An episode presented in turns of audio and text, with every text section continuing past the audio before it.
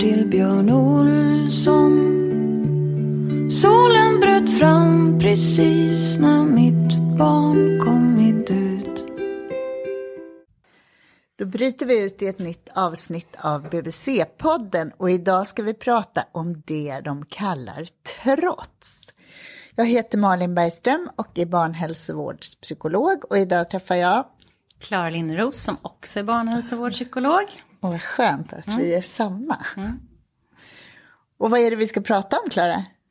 Idag ska vi prata lite grann om de här åren som är lite speciella mellan ungefär ett och ett halvt till typ fyra, fast det kan skilja sig, när det här förekommer som de kallar trots, alltså vi föräldrar, vi vuxna kallar trots. Och om vilket föräldraskap som de här små barnen behöver för att ta sig igenom de här åren, vad man själv behöver som förälder. Men du, varför var du eller vi så intresserade av just den där åldern? Jag tycker det är lite spännande för det är väldigt mycket fokus på första året. Mm. Och både du och jag har ju faktiskt väldigt mycket gått loss på den här perioden mellan ett och ett halvt och fyra. Vad är det som du tycker är spännande där? Har vi inte varit specialintresse att Eh, du som barnforskare har varit intresserad av barns utveckling. Jag är väl också intresserad av barns utveckling. Men jag har varit väldigt intresserad av föräldraskapet under de här åren. För att det blir så himla utmanat. Och att det där som händer liksom när den här lilla bebisen, som, det kan vara svajigt i början av ett bebisföräldraskap, verkligen. Men man brukar liksom landa i det där första året och så är det lite gulligt och mysigt. Och sen så ska ju när barnet utvecklas och börjar gå och stå och springa och säga saker och bli arg så, så blir föräldrar så utmanande. Och jag tycker det är ju lite mitt specialintresse vad som händer i en sån förälder. Jag tycker det har varit så intressant under alla år när jag träffat föräldrar tillsammans liksom hjälpa dem att hitta det. Att det inte bara handlar om att prata om så här småbarns utveckling här och nu och vad de behöver, vad de står utan också vad händer i dig? Mamma och pappa och liksom med lite varmt intresse liksom vara nyfiken på det. Så man får syn på det. För man, man hamnar ju rätt mycket, alltså snurr i sig själv. Mm. Men det är också väldigt roligt med barnets utveckling under de här ja, åren. det är det verkligen. Det är något så... Jag vet inte om det är den här klaschen mellan vilja och självmedvetenhet och integritet och någon slags självbild hos så här små barn som jag tycker är så spännande i mm. liksom relation till att de är pyttesmå och inte har varit med om någonting och nästan mm. inte kan någonting. Alltså, att det finns ett jäkla driv liksom framåt, både sådär lära sig saker och socialt fungera med andra och ta reda på saker och testa saker. Ja, nu sitter vi här som två tanter som har tagit oss till andra sidan och tycker att allt är gulligt. Men vi kan ju minnas att vi tyckte det var jobbigt. Ja, fruktansvärt också. jobbigt. Mm. Men det är väldigt, det är, om man tänker bara ur ett litet barns perspektiv, vad som händer under de här åren. När man är liksom innan, att om man är en ettåring som precis har lärt sig gå, knappt kan springa, knappt kan klättra, inte uttrycka sig särskilt bra, mm. till att man hittar det här ordet nej som någonstans är liksom startskottet för den här perioden vi pratar om, till att man som fyra, femåring är en resonabel person med egna kompisar som kan liksom förhandla i lek, eh, kan ta hand om lite yngre barn och få med dem i leken. Det, alltså det är en sån extrem utveckling. Mm. Ja, på precis alla plan. Det är fantastiskt spännande. Mm. Man kan förstå att det är svårt att hänga med som förälder eftersom den går så himla snabbt. Man ska liksom byta spår ganska många gånger. Och den här balansen liksom mellan att man hjälper barnet med vägledning och att man följer barnet och att man liksom har roligt ihop och att man får vara lite sträng. Alltså den växlar ju hela tiden i och med att barn, när barn lär sig saker. Vad de behöver och vad de kan få testa själva och så. Och det där med vägledning, för i den här boken som vi har skrivit om precis det här ämnet, de kallar det trots, så är det redan i titeln om att vägleda små barn genom utveckling och uppror. Och varför har det här ordet vägledning blivit så centralt, Klara? Ja, men vi har väl båda känt att det finns ett behov av att ge föräldrar lite stöd kring det här. För att vi tycker att småbarnsföräldrar idag är otroligt fina och väldigt lyhörda. mot sina barn. Och du Malin skrev ju en bok för typ tio år sedan som hette Lyhört föräldraskap. Och man pratar väldigt mycket om det här att vara lyhörd för just det egna barnet och, och följa det och så. Och vi, att inte gå efter regler hur saker borde vara utan att titta på sitt eget barn Precis. och individanpassa. Och det tycker vi väl i den här boken med, men vi kanske kände att, vi, att det har slagit över nästan lite ibland så att man som förälder kan bli osäker på eh, hur, hur mycket vägledning man kan ge. Eller ett, ett annat ord för det är ju gränssättning.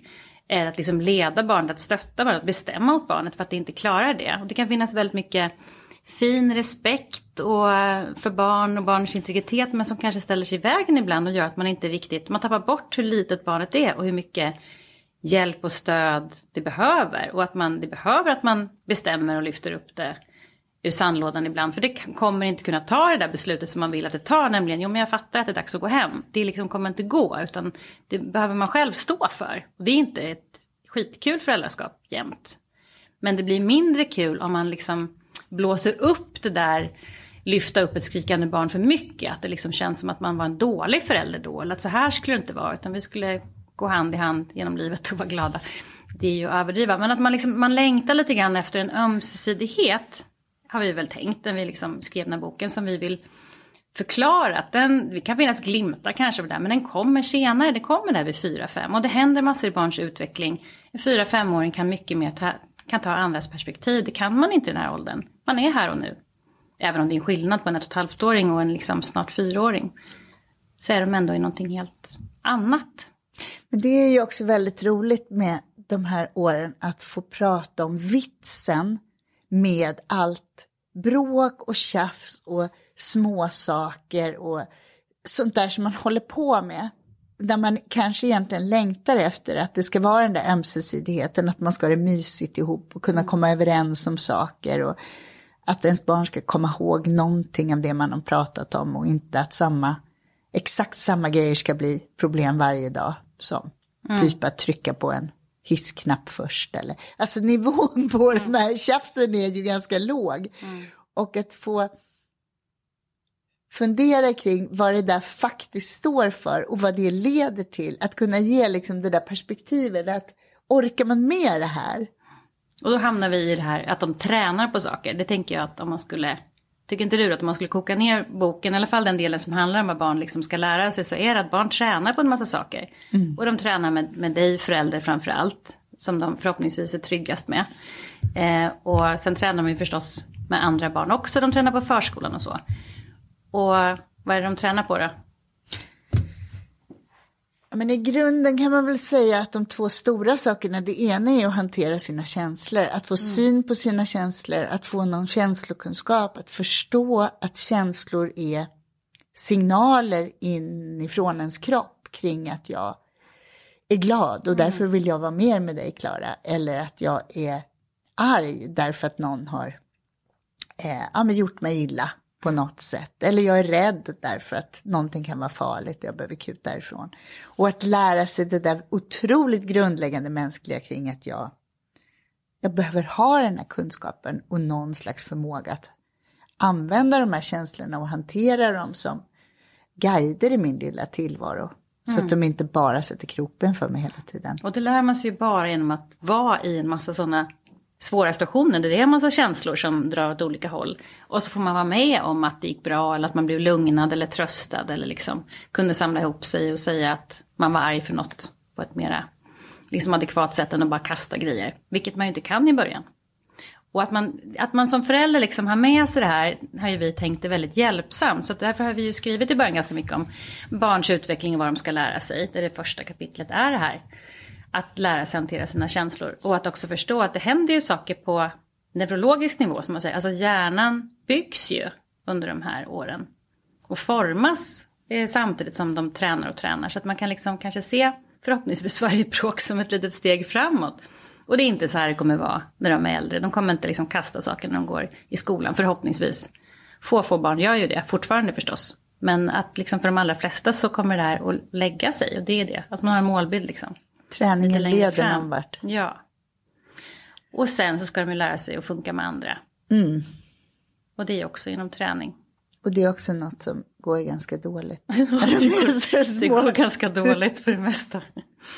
Men det går också mindre dåligt än vad vi kanske tycker som liksom föräldrar om vi sitter vid sandlådekanten och tittar på.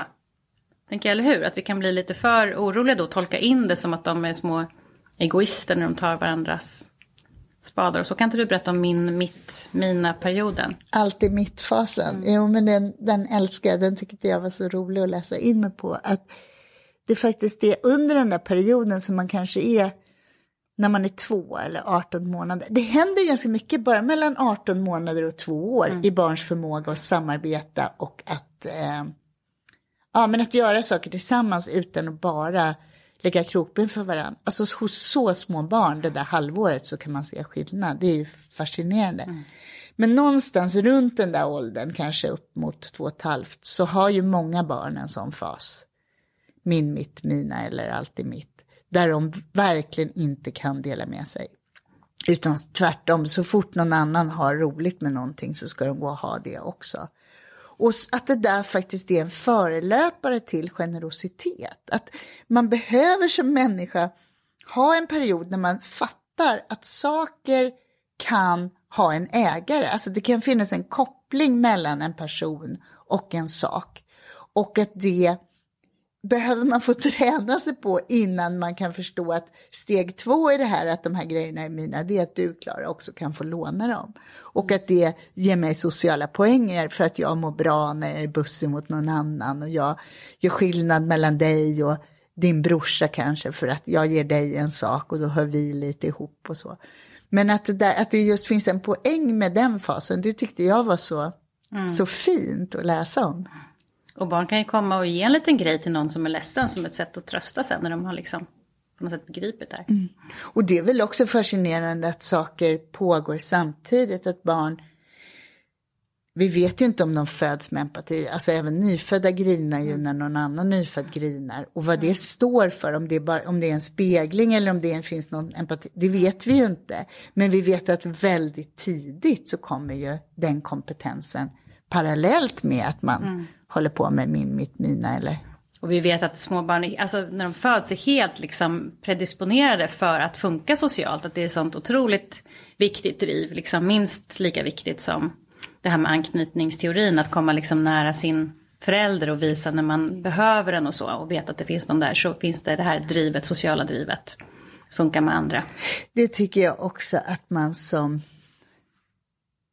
höll på att säga som förälder men också som människa eller psykolog, att det är så otroligt fin människosyn. Att det, alla barn har den drivkraften eh, från början att vilja funka bland annat. Att vilja bli, att få vara med, att skämmas när man gör något dåligt eller eh, bryter liksom sociala kontrakt. Att eh, att vilja bli accepterad och omtyckt och göra gott för andra. Att vi har det i oss som människor, det är någonting väldigt fint. Mm. Jag tänker, vi har väl tänkt när vi har skrivit om det att det kan vara hjälpsamt för en som förälder att ha den där blicken på barnet att ja men den vill men den tränar liksom och den misslyckas. Men genom alla de här misslyckandena så kommer den att, att hitta, hitta fram. Och det kommer inte nu utan det kommer sen. Hela tiden har liksom längre perspektivet på att nu är vi i grundläggningsfasen verkligen. Och att de tränar med oss också. Även, även i det sociala liksom. Och att då kanske man är ännu sämre på att, att dela med sig eller att låta någon annan bestämma eller så. Då ska man verkligen lära sig det grundläggande. Mm. Precis. Men det är också något med det här att funka med andra som att det att det finns som en eh, utgångspunkt eller en relief också i andra delar av barns utveckling. Att lära sig känslokunskap och hantera sina känslor, det är också viktigt för ett mål med det också, att kunna leka med andra eller mm. att funka i sociala sammanhang. Att lära sig behärska sin kropp, att kunna stå och gå och hämta grejer, det är också viktigt för att man ska kunna leka ihop och springa tillsammans. Det är ju mm. också jättefint tycker jag. Mm. Sen vill vi lyfta fram en grej till som barn ändå tränar på och det är ju att ta sig an och genom utmaningar. Det här liksom att, som är lite grann att bygga någon slags självkänsla och självförtroende, att man klarar saker och man vågar testa saker. Alltså, och det är ju olika svårt för olika barn. En del har ju liksom, de här lite ängsliga barnen kanske har det svårast att ens våga ta det där första steget och prova, för man är så rädd att det ska gå dåligt. Medan andra kastar sig ut och så kanske de då misslyckas lite oftare för att de inte väntade så länge. Och då ska man lära sig att hantera den där känslan av att det gick fel och tokigt och den här liksom frustrationen och besvikelsen som kommer. Och där behöver man ju som förälder också tänka kring att man hjälper dem framåt och de behöver lite olika stöttning kanske. Apropå lyhördhet, att såklart att vi tycker det är jätteviktigt och skriver om det i boken, hur man som förälder, det finns inga, inga regler utan man behöver hjälpa barnet men man behöver ha med sig att här tränar de och testar. Varför är det där med psykologisk motståndskraft eller förmågan att ta sig an och igenom utmaningar så viktigt då? Det är ju för att livet är fullt av utmaningar och misslyckanden. Alltså, det är ju så att vi går ju på minor hela tiden. Egentligen går ju små barn ofta på minor mycket, mycket oftare för så mycket de inte kan. Men vi fortsätter ju göra det under barn och ungdomsåren och vuxenlivet. Och det, det här psykologisk mot, motståndskraft som du sa, det handlar ju om att liksom kunna ta de här frustrationerna och misslyckandena och besvikelserna utan att bryta ihop eller avstå från att göra saker. Man liksom vågar lite komma an livet och sen söka tröst när det gick dåligt. Eller liksom, eh, våga prova en gång till, nöta lite grann liksom.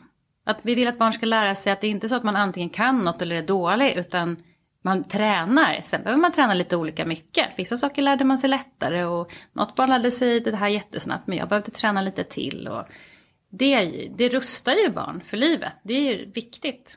Och det skyddar faktiskt barn mot psykisk ohälsa. Mm. Mm. På sikt. Det är lite som att man behöver konstruera något för barns skull som inte finns. För har man tio barn och har fullt upp med att odla mat för dagen så ungarna ska slippa gå hungriga, då kommer den där motståndskraften, den kommer odlas det är bara upp till barnen för annars överlever man inte. Men har man få barn och är mån om dem och har fullt, liksom, alltså man vill dem så väl, mm. så finns det en risk att man skyddar dem från misslyckanden som faktiskt det gör dem en björntjänst. Och mm. det där är ju en balansgång som är svinsvår. Mm. Det är det, mycket balansgång. småbarnsföräldralivet. Ja, nej men absolut. Jag tänker det man, det man kan tänka är att man är ju där bredvid dem. Det är ju det bästa liksom hjälpen. Och även om de inte, vad ska man säga, blir glada direkt eller slutar gråta direkt eller slutar vara arga direkt när någonting gick tokigt. Beroende på temperament reagerar man ju lite olika. Så är man ju där och liksom det är en jättebra hjälp. Att man får ta den där frustrationen och hjälpa till. Och man kanske får sig en känga och får höra att det var ens eget fel. Att man ramla av gungan fast man stod en bit bort. Alltid får man ju det. Och det är det som gör att man, att man bäddar. Jag menar det är ju också parallellt för det är ju väldigt mycket psykologsnack om att man ska avleda och man ska liksom se till att man, de här jobbiga situationerna inte uppstår och så. Mm. Ja men det har väl varit en viktig poäng för oss med boken också. Att såklart så kan, så kan det vara jättebra att hjälpa till att avleda ett barn som man får med sig det hem om man hittar någon bra strategi. Eller att tänka till lite i förväg hur man ser till att en morgon blir så bra som möjligt. Så att man inte får, man behöver ju inte liksom bada i bråk. Men också att de här bråken, de här situationerna, den här frustrationen är ju meningen. Liksom. Det ska vara skavigt. Det ska vara skavigt för barnet och det ska skava lite i oss. Och så håller vi på så lite fram och tillbaka. Och det finns inget sätt att bygga bort alla de här besvärligheterna och det är liksom inte meningen. Om man kunde föreställa sig det, att någon kunde bygga bort allting, vilket är svårt, då skulle ju barn faktiskt komma ut rätt hjälplösa. Om man föreställer sig någon riktigt så skyddad kur där något barn har vuxit upp. Där det inte har behövt bli nästan några frustrationer eller sociala misslyckanden eller man bara liksom finns där. Det går ju inte att föreställa sig, men det, det skulle ju vara en otrolig björntjänst för ett barn. Utan då, då hade de ju inte lärt sig, så de behöver ju träna och träna med oss. Och att vi då minns som föräldrar att det här är ju framåt vi ska och de kommer sen och klara av en massa saker för att de ska misslyckas och det ska få svida. Mm, med oss vid sin sida liksom. Utan att man blir en sadist. Ja, man finns ju där liksom och hjälper till när de har när någonting har hänt. Men man behöver inte liksom försöka ta bort varenda, litet, varenda liten svårighet som eventuellt finns. Jag skulle vilja reda ut lite begreppen här, Klara, för jag tänker på du sa något, man vill inte bädda in allt så barn inte får uppleva någon frustration. Eller, alltså det vill säga man måste skapa förutsättningar för deras lärande.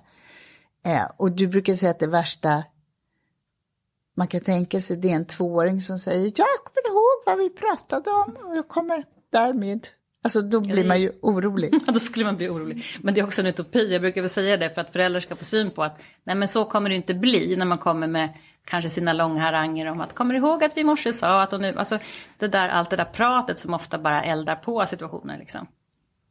Men det jag ville komma till var för det här inbäddandet, alltså hur ser du på relationen mellan begreppen curling, föräldraskap, i relation till det här med Eh, psykologisk motståndskraft till exempel? Är det ett problem att vi curlar barn för mycket?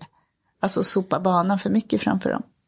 Alltså vilka är vi? Det finns väl olika varianter. Såklart att det finns föräldrar som, som jag kan se det som, som går för långt i att de vill hjälpa sina barn. Det kan ju bero på att de här barnen har ett extra starkt temperament så att man vill undvika deras utbrott till varje pris. Eller att man liksom vill att de ska vara glada och goa hela tiden. Och då kommer det bli knepigt i det där andra fallet. Det kan ju också bero på att man själv är så stressad så man inte pallar.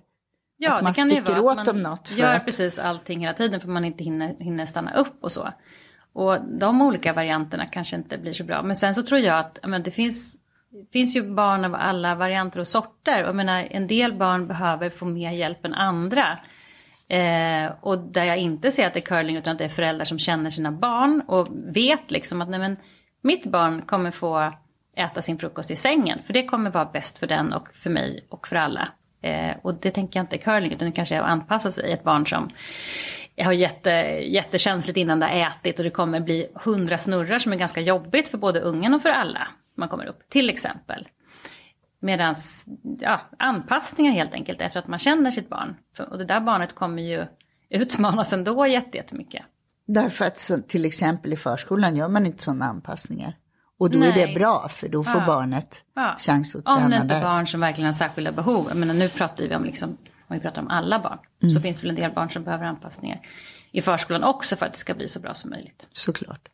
Du, en annan relation mellan begrepp som jag ville prata lite om, det var mellan vägledning och gränssättning. För jag tycker gränssättning låter så stenhårt och man ska bara, de ska veta sin plats och deras vilja piper i skogen och vuxna bestämmer. Och vägledning känns som någonting som är i barnets tjänst mycket mer. Det är ju barnets tjänst, det är därför vi använder och tycker om det begreppet. Men fast jag tycker att liksom ordet gränssättning egentligen alltså, kan ingå i väg, vägledning. Det kan vara en av alla olika saker som man gör när man, när man vägleder. kan ju vara att man sätter ett stopp någonstans. Alltså man sätter en gräns. Att nej men nu skulle vi inte vara kvar här längre. Nej, nu fick inte du den där. Nej, nu... Ville inte jag det? Nej, jag ville inte det. Nej, vi kommer inte göra så. Och det är liksom man själv som bestämmer om man sätter en gräns. Det, det är ju en jätteviktig del av vägledningen. Sen kan vägledning ibland vara att man liksom lirkar eller avleder eller liksom leker med sig barnet. Alltså beroende på vad läget är. Så att vi ska ju inte tro att vi kommer undan det här som kanske kallas gränssättning. Men för mig, alltså gränssättning behöver ju inte vara att det är hårt. Det låter ju som att man typ skriker bara för att man sätter en gräns. Men man kan ju sätta en gräns på ett väldigt lyhört sätt. Och man jag fattar att du blev svinarg nu. Nu blev du arg, men vi ska gå ändå. Och så behöver man inte förklara så mycket mer om det är ett litet barn. Man kan ju också säga att under de här åren så måste man bestämma och Ja. tala om hur saker är hela tiden. För att de inte har något omdöme när de är så små. Nej, såklart. Och då kanske man får välja att man bara ibland säger nej, så blev det inte. För man kan inte förklara precis varje grej. Då kan det dra iväg i det oändliga. Och en del små barn, alltså i treårsåldern som är lite verbala, kan man ju bli inlurad i någon slags diskussioner där man tror att de har med sig gärna lite mer än vad de har. För att de har så mycket språk. Men de är inte känslomässigt där att de kan liksom reglera och hantera. De kan inte se konsekvenserna eller liksom begripa hela det här som vi begriper om vad en om man ska hinna med på en dag eller varför det inte gick att vara kvar i simhallen nu. Vi vet att de blir övertrötta och jättehungriga och så. Men det vet inte de. Jag tänkte på ett annat begrepp som jag tycker att vi möter hela tiden nu. Verktyg och verktygslådor. Man ska ha verktyg som förälder. Och och bra när man har goda strategier. Att man har en känsla av att jag är, sitter på hästen. Liksom jag vet vad jag ska göra. Jag har liksom sätt att ta mig an grejer som är jobbiga som inte innebär att jag ger barnet en padda eller godis liksom, utan att jag har det här i mm. mig. Men det du säger nu det är ju egentligen att man inte det där med verktyg är inte det alena saliggörande utan att det viktiga också är att man faktiskt ser vad ungar ska lära sig och står ut med att de behöver träna. Och att ja. då är det inte så himla petnoga vilka verktyg man har eller inte har för det viktiga är att den här utvecklingen får ske. Mm. Och att... att ömsesidigheten den ligger där framme, det är mm. sen, inte nu. Alltså jag, jag, tror att det är jättebra att ha lite strategier som du sa. Ibland kan man behöva få stöd och hjälp med det och få lite idéer om sådär vad man kan, ja men en sån sak som goda stunder som vi beskriver i boken, som man ju pratar om liksom överlag brett i samhället. Det är väldigt fint och bra för barn att ha en liten stund varje dag när de får mycket positiv uppmärksamhet och föräldern liksom följer en en stund för man blir så mycket bestämd över. Och det fyller på relationskonto. Så det är en strategi som är bra att känna till om man liksom har tappat bort sig. Att okej, okay, jag kör det här i en vecka, det kommer att hända grejer. Men det finns någonting med, med begrepp verktygslåda som gör mig lite sådär eh, fundersam att man kan lura föräldrar nästan att tro att nu tar vi fram verktygen som man gör på jobbet ungefär och då får man ett visst resultat. Det vill säga typ en bråkfri vardag. Alltså att man kan som jag sa innan bygga bort alla svårigheter. Att man liksom inte får ha, hamna i felaktiga förväntningar.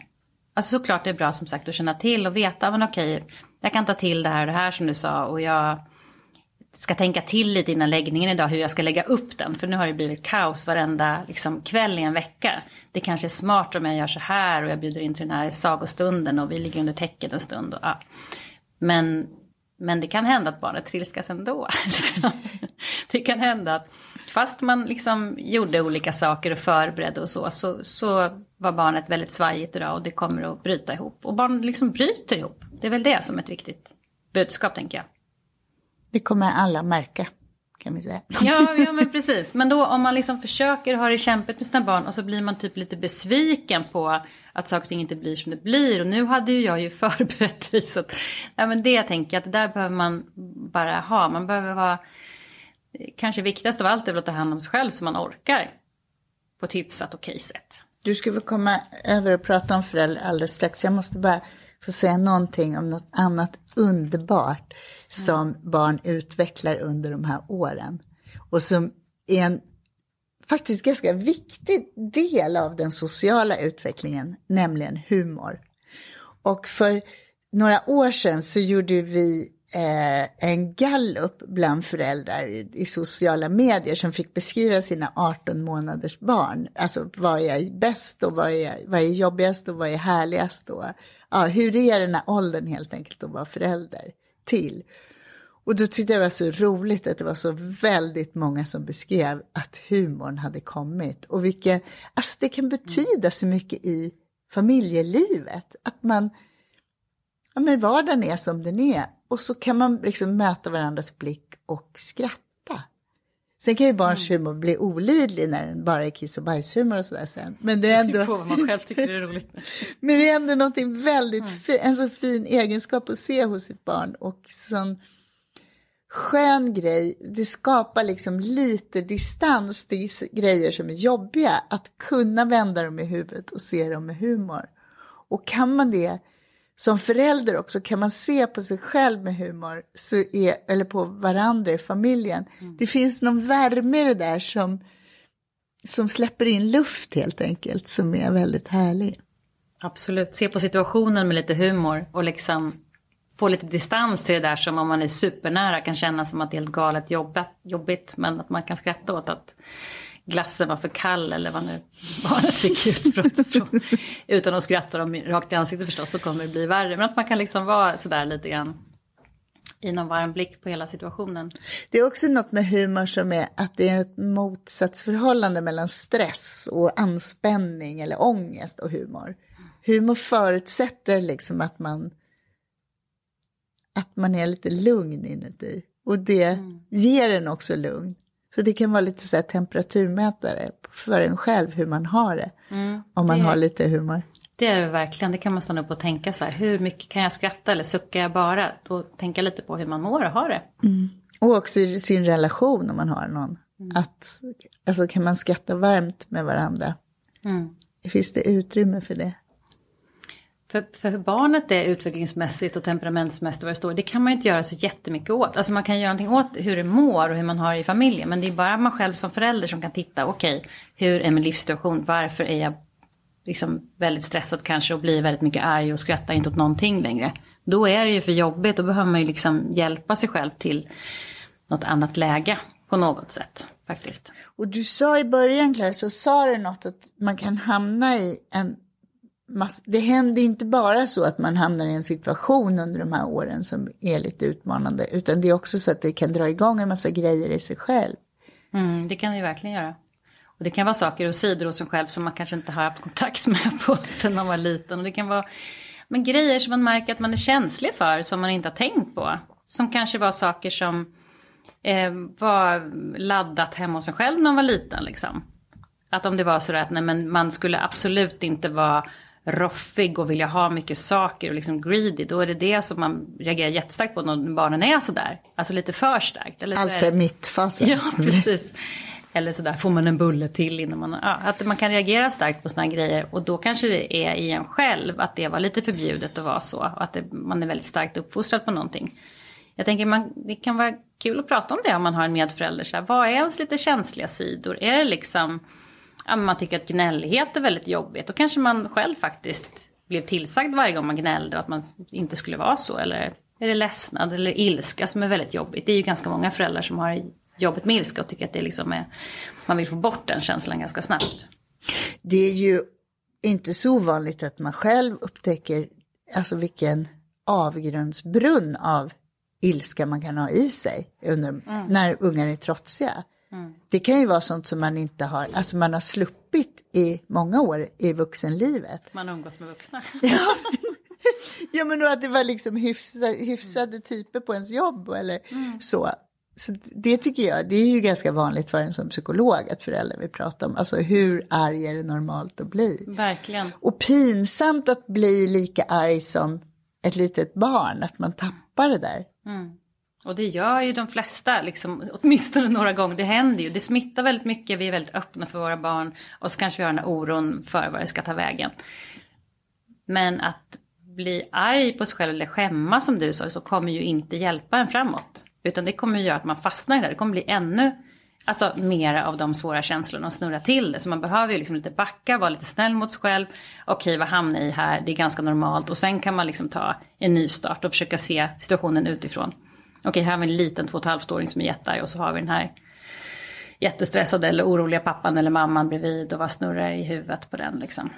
Jag blev lite så att jag slutade lyssna när du pratade om det där med gnällighet, för jag kände mig så träffad. Att jag, nej men det tror jag att jag alltid haft svårt för, gnäll. Alltså det är någonting det där som pickar i på en och som man inte kan göra något åt och som, ja det, det kände jag mig väldigt träffad av och då tänkte jag skulle fråga dig vad man kan göra, men nu svarar du ändå på det.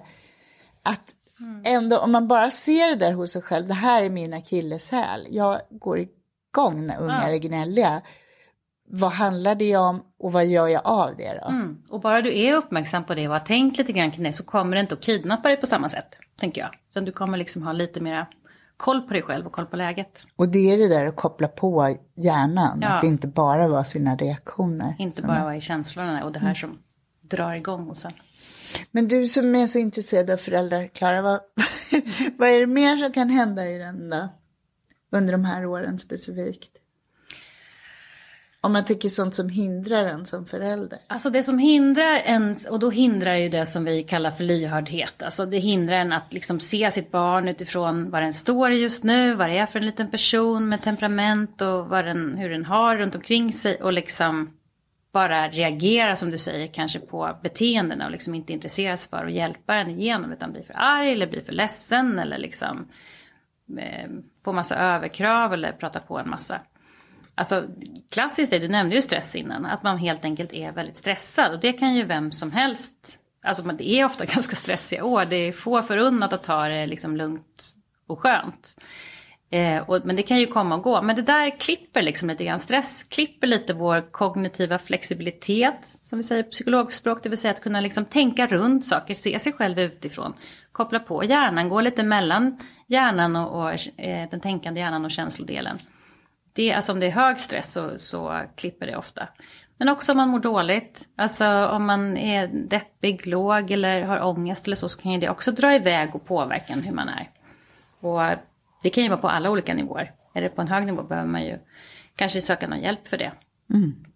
Men sen så är det ju också det här vad man har med sig, vad man har för förväntningar på föräldraskap och vad man har för mm. bilder om hur det ska vara. Och då kan man ju ha helt olika bilder om man är två föräldrar. Så det kan gå i clinch liksom. Och man kan hamna i att man bråkar om grejer och liksom inte har gemensamma föräldraskapet. Eh, också tänker jag att det idag faktiskt, det tjatas så mycket om det, men det är ju värt att tänka på att sociala medier ställer till det. För att vi får den här bilden av att hur folk har det fint och mysigt och har bakat bullar och ordnat mm. perfekta kalas och sådär. Och det är mm. väldigt få som lägger upp bilder på stöket och kaoset. Vad har man för drivkraft det här att man så gärna vill bli sedd som något lite finare än man känner sig. Vad är det för drivkraft? Det är inte bara att vi är så otroligt beroende av gruppen. Som vi sa innan, Socialt. barn föds liksom, för de vill med drivkrafter tillhöra gruppen och vara med i gruppen. Det vill ju vi också. Bli accepterade och få liksom någon slags beröm kanske för det vi gör. Vi är också ganska ensamma i vårt samhälle idag. Alltså vi, på något sätt, när vi kommer hem med våra barn så är vi i våra hus och lägenheter. Och och ingen ser. Ingen ser heller det som vi gör kanske när vi gör det väldigt bra och fint. Vi får klappa oss själva på axeln när vi har mysstunder.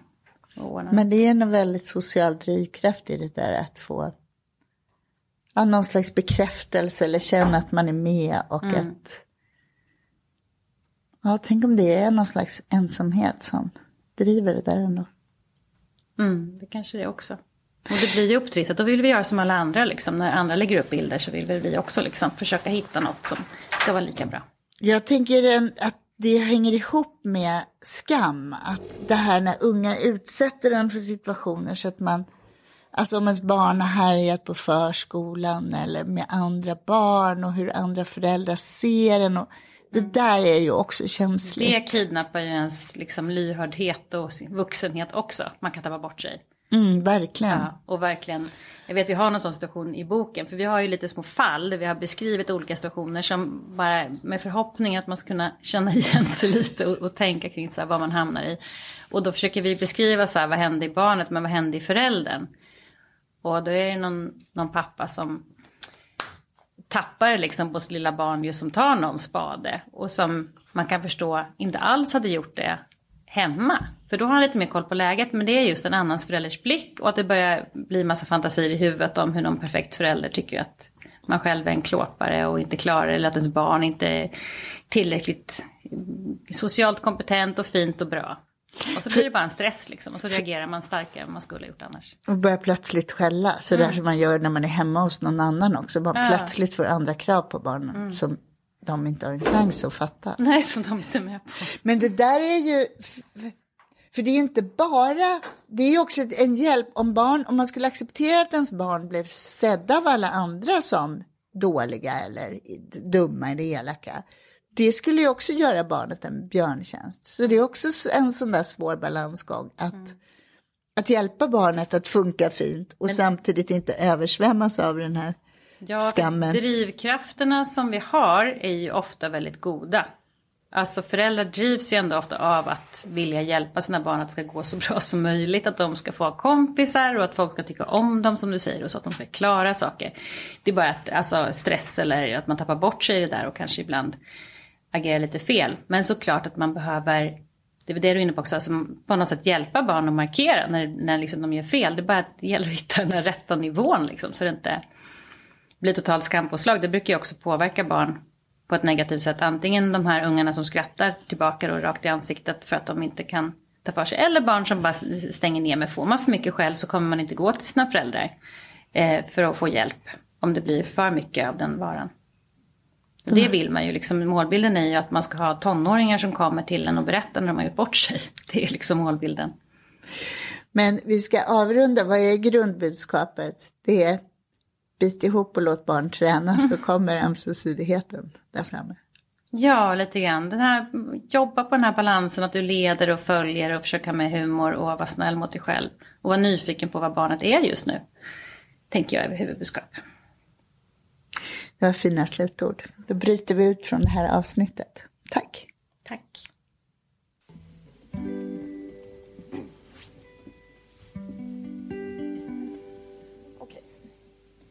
Födde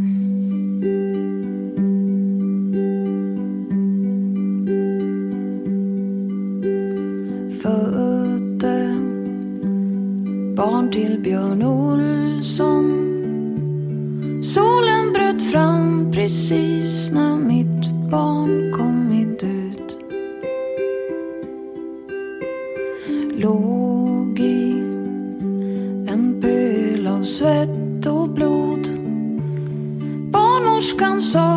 jag såg din spelning på Luleå kulturhus. Hörde fåglarna sjunga om